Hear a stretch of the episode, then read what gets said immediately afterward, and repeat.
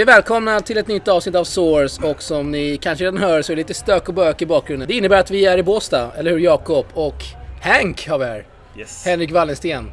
Och Jakob känner alla till. Börja med dig Jakob, hur är läget? Det är fantastiskt bra, bra väder i Båstad. Eh, tyvärr inga svenskar kvar. Eh, men eh, det har man ju liksom fått in nu att eh, inga svenskar är kvar efter torsdagen. Så det är helt okej alltså. Det är helt okej. Ja, det heter Henrik Hank Wallensten. Välkommen tillbaka till Source. Det var ju med för, eh, var det två år sedan?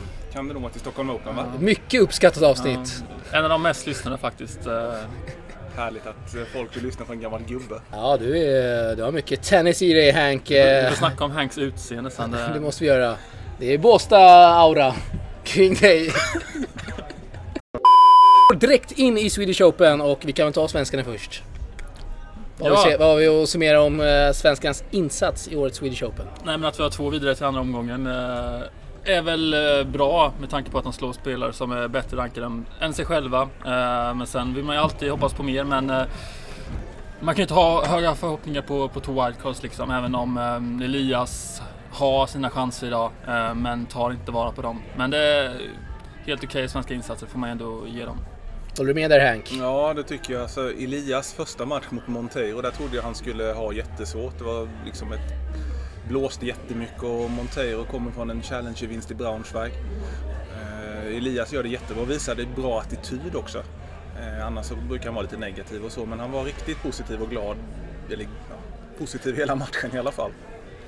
Eh, sen att han förlorar mot Sosa. Sosa är ju en jättetennisarbetare. Han åker runt och sliter överallt och gör det liksom grymt professionell. Och att han slår Elias, det, ja, det, var, det blev rätt klart i slutet ändå. Men eh, Elias gör en bra tävling. Micke gör ju, den matchen såg jag inte tyvärr, men första matchen som han vinner mot Fokina är han ju rätt utspelad. Ehm, ligger under, Fokina servar för matchen och sen tar han i princip inte en boll till. tror han vinner nio raka game Ja, där. precis. Och sen, eh, sen blir han tempotorsk mot eh, Jari igår. Eh, Chilenan slår ju fantastiskt hårt egentligen. Hela tiden satte mycket under press. Mycket servade rätt dåligt. Och Jari behövde inte göra jättemycket att få vinna den matchen faktiskt. Eh, så att lite, lite servträning på mycket som han själv sa. Och sen lite, lite mer tempo helt enkelt i slagen så kommer han bli jättefarlig. För han har liksom def- def- defensiva och han står nog, jag tror mycket, han, något år till sen kommer han nog vara en topp 50-spelare. Jag tror han kan ha det i sig alltså. Det hör ni från Hank, topp 50. Men är det lätt att ändra sin... För det känns som att man måste göra några tekniska ju- justeringar i sin forehand för liksom att få det här vinnande slaget. Jag ser inte att han kan slå det här vinnande slaget med den tekniken han har nu. Det är alldeles för mycket, för mycket rull på, på uh, hans forehand. Jag vet inte... Tycker du inte det att... Jo, eh, han, när han slår sin forehand så är det mycket att han hoppar nästan bakåt åt sidan. Han får liksom inte kraften framåt på samma sätt. Kollar man på Jari, han rör sig framåt och man hör på träffen att det skiljer enormt mycket i fart på bollen när de träffar. Så att lite mer offensivt på sin forehand, något mindre rull ehm, och något kilo muskler till så kan han nog få ytterligare ett snäpp. Då sätter han lite mer press på motståndarna. Nu blir det att nu blir det att Micke hela tiden kommer på bakfoten. Han blir defensiv med automatik nästan som en pingisspelare som spelar defensivt och bara försöker kontringsslå.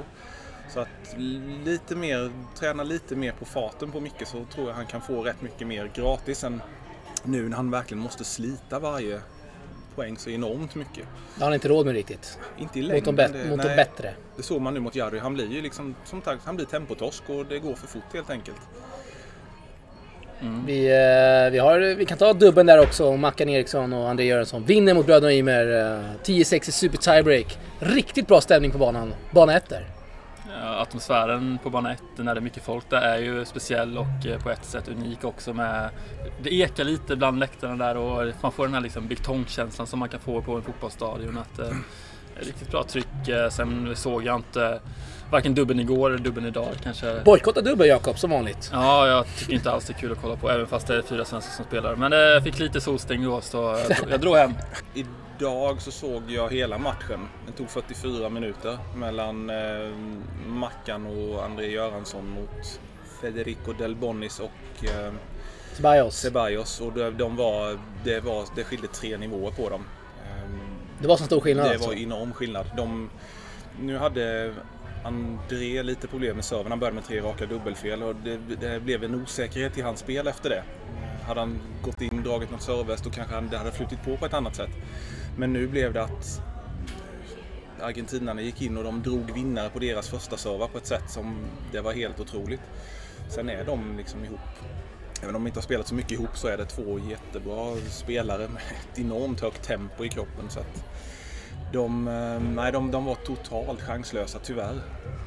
Det, var, det, liksom, det var, de hade inte kunnat göra någonting annorlunda. Det, det var för stor klasskillnad helt enkelt.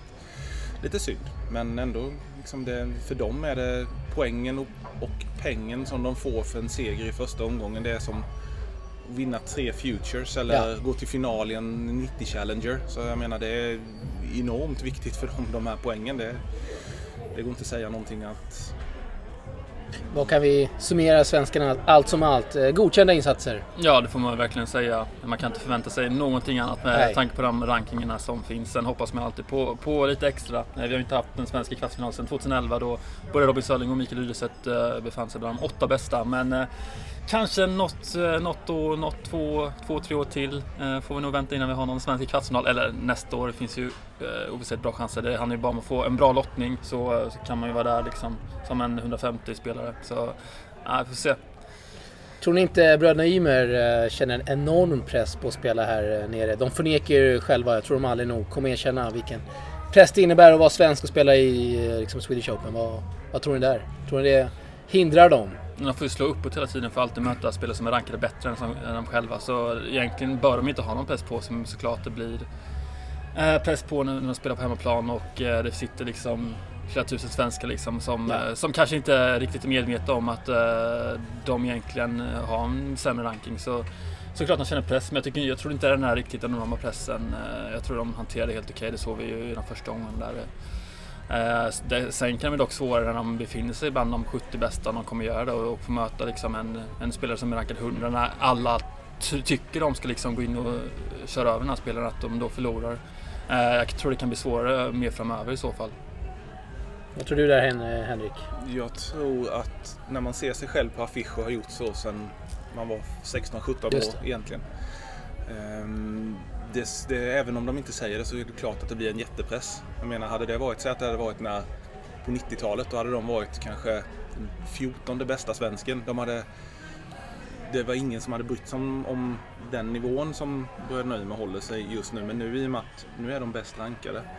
Folk har en, även om de hade varit rankade 400 i världen så hade folk förväntat sig och satt en press ändå i och med att de är hemmaspelare. Så att det är klart att det är en jättepress och man ser ju att när, när Elias spelar så är det så att det är kanske fullt till 75% idag. Och nu när Gasquet spelar som ändå har varit en topp 10-spelare i världen så är det kanske på sin höjd halvfullt. Så att liksom folk är ju uppenbarligen här för att se Ymer spela. Ehm, Så det är klart att det blir en press på dem. Men jag hoppas att de kan kanalisera det till att bli något positivt istället. Att folk verkligen vill se dem för att de vill se just dem.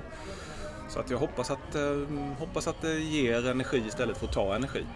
Vad har vi för fler spaningar då från turneringen? Vi har en hel del eh, gruslirare såklart att snacka om. Många grusspecialister, nästan bara, som är kvar just nu. Ja, härligt, kul att se. Gillar Grus. Ja, jag gillar det. De, Londero där. ja, Londero har sjuk träff på kulan. Han vann ju sin första, han har egentligen aldrig vunnit en ATP-match i huvudomgången. Någon gång innan han spelade i sin hemort i Cordoba i Argentina. Och vinner helt, helt otippat. Det är som i princip som om kanske Elias skulle gå och vinna en, en, en som Carl Söderlund skulle gå och vinna kanske Swedish Open i princip. Eh, Men hans spel, jag såg honom i kvalet här för något år sedan. Och hans spel har gått framåt något oerhört. Han har sånt otroligt tillslag på bollen. Ehm, Så han är kul att se. Sen en som har imponerat mycket också det är Ramos Vinolas. Ja, det måste man säga. Eh, Hans, fo- hans träff på forehanden där, den är ju magisk. alltså. sen att folk kollar på hur han rör sig på banan. Han, han, han glider 3, 4, 5 meter till varje slag och liksom rör sig så otroligt fint. Så att vill man studera grus, en riktig grusräv så kolla på Ramos Vinolas för han är, han är duktig. Verkligen. Och vi kan ju ändå diskutera eh, Carl Söderlund här som kvalar också. Ja. Ehm, när Hank och jag kollar på den. Eh, man blir ju imponerad efter, efter att ha hållit till på college i, vad är det, två år nu. Att han kan komma upp i den nivån och ändå pressa en tidigare topp 10-spelare. Carino Busta spelare verkligen bra. Han, han viker inte ner sig på något sätt men eh, ändå synd att han inte tar vara på chansen när han har 2-0 i avgörande set. Att han inte eh, lyckas ta sig till kvalfinal. Men ändå kul att se Karl Söderlund här som, eh, som är spännande att följa i, i framtiden när han är klar med, med skolan där borta. Han har ett år kvar på college nu och alltså han... Så som han spelade mot Cardenio Busta, det var liksom en topp 100-spelare. Alltså på det sättet han mm. uppträdde och allt, slagen och allting. Det var topp 100-kapacitet alla dagar i veckan på Karl Söderlund. Och, um, han, han kan bli riktigt bra alltså. Han, han skulle kanske kunna vara en sån spelare som om två år är i kvartsfinal i Swedish Open. När han satsar på tennisen fullt ut. Eller det gör han ju nu också men professionellt så att säga istället för college. Han har andra, andra omgång från 2017. Det ska vi inte, ska vi inte glömma bort. Så han har varit nära kvartsfinal. Ja, det har han eh, gjort. Kommer du ihåg vem han slog eh, i den? Fred, det, Fred ja, Simonsson det, förlorade mot eh, Sosa va? Tror jag, i andra gången. Ja. kom ut en podd med Fred här om dagen. Eh, Fred som har varit eh, innan lite olika projekt där med vloggar och dylikt. Du Jakob? Ja, det är snaskiga nyheter absolut. Mycket ser fram emot där. Mycket ser fram emot. Och Hank, har vi några fler spaningar där från de eminenta gruslinjerna som du har så bra koll på? Nej, lite, lite besvikelse på eh, Cuevas. Ut både i singel och dubbel. Ja. Lustigt. Ehm, två raka mot, okej okay, Del har en sjuk träff på kulan också men mm, lite, lite synd att han åkte ut så snabbt. Eh, sen Garin första sidan. Garin blev... Eh, han gjorde inte på något sätt en dålig match utan det var Chadi helt enkelt när han når sin högsta nivå som han hade.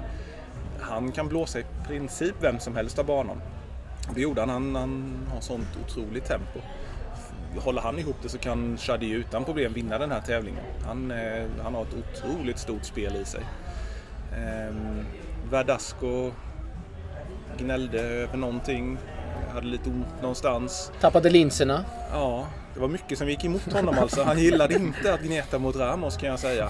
Ramos bara gled och slog tillbaka allting och Verdasco började och gnälla och pipa till sin coach och fru där. Så det var lite synd. Eh, men ehm, ja. Han kommer nog aldrig vinna i Swedish Open, det kan vi slå fast. Fernando Velasco. Kan vi göra det? Vad är han? 35 år nu? Eh, börjar närma, 12 gånger här. Ja. Börjar närma sig sitt slut där. Alltså. Nästa år kanske är typ sista gången vi får se honom. Skulle inte förvåna mig. Mm. Vad tror du krävs här för tävlingen för att uh, ja, men öka publik och allt vad det är intresse kring det? Behöver vi en uh, spelare som stundar topp 10 eller en jag tror väldigt bra svensk framgång? Svensk framgång. Vi ser att när man har ändå som Gasquet som ändå är ett aktat namn, du har Verdasco. Det kommer ändå mer folk med, när de svenska spelarna spelar, så det är svensk framgång. Så jag skulle kunna tänka mig att nästa år då blir det ett ett riktigt kämpaår när, när det är OS och man har Hamburg och konkurrerar mot en 500-tävling. Då Just det. det blir, jag ska inte säga att man får ta brödsmulorna för det är att förnedra och se ner på de här enormt duktiga spelarna som ändå ligger 50, 70, 80, 90, 100 i världen. Men eh, det kanske inte är de som folk betalar för att se i första hand. Eh, vilket är lite synd för att en topp 10-spelare som kommer hit kanske inte riktigt, det betyder lika mycket för honom som om det gör som till exempel för Ramos Vinola som ligger runt 100 nu. Där de sliter på ett helt annat sätt. Där liksom varje boll, det blir mer kamp, det blir mer känslor. än en topp 10-spelare då som inköpt för tävlingen. Det betyder kanske inte riktigt lika Nej. mycket för den spelaren. Det blir inte så mycket ja, fight helt enkelt som det blir mot, med lägre rankade spelare. Det är liksom som om man åker på ett kval i en Grand Slam-tävling. Där får man ju se de absolut bästa matcherna. Där är det ju verkligen det är på liv magiskt. Mm. Jag tror att det finns ett vilande svenskt tennisintresse om man tittar liksom på på alltså antalet eh, sidvisningar som Expressen får på sina tennisartiklar så kan det vara enormt, kan avslöja siffrorna? enormt höga siffror. Det är över 100 000 som är inne och klickar på vissa tennisartiklar. Jävlar. Och det, det liksom vittnar ju om att, om att ett vilande svenskt tennisintresse som bara väntar på att vi ska få nästa stjärna och jag tror det finns en otrolig potential för för både Swedish Open och Stockholm Open om vi får fram liksom en, en stjärna igen och då kommer kan jag tänka mig att eh, det kommer bli en rejäl tennisboom. Men eh, det krävs ju för Ymerbröderna då och eh, de har ju svenska tjejer också att de tar några extra steg här för för att inte vara inom topp 50 så kanske inte blir den här hypen som det kan bli annars. Och då kan vi, tror jag, förvänta oss ett riktigt stort intresse kring ja, de svenska turneringarna generellt sett. Vi får spekulera här då. Vem, eh, vem tror vi kan eh, gå hela vägen här och vinna? Är det Ramos Hank? Han är så jäkla noggrann och, och mm, seriös i sina förberedelser på varje slag. Så att jag skulle nog vilja säga att Ramos är... Jag skulle nog sätta Ramos som segrare. Sen är det i och för sig lite också vilken form Shadi har. Vaknar han på rätt sida så då kan han blåsa alla av banan. Så, men jag säger Ramos, Vinolas. Jag får sticka ut hakan och säga Nicolas Chari här om man nu skulle slå Chardy i kvarten som spelas imorgon.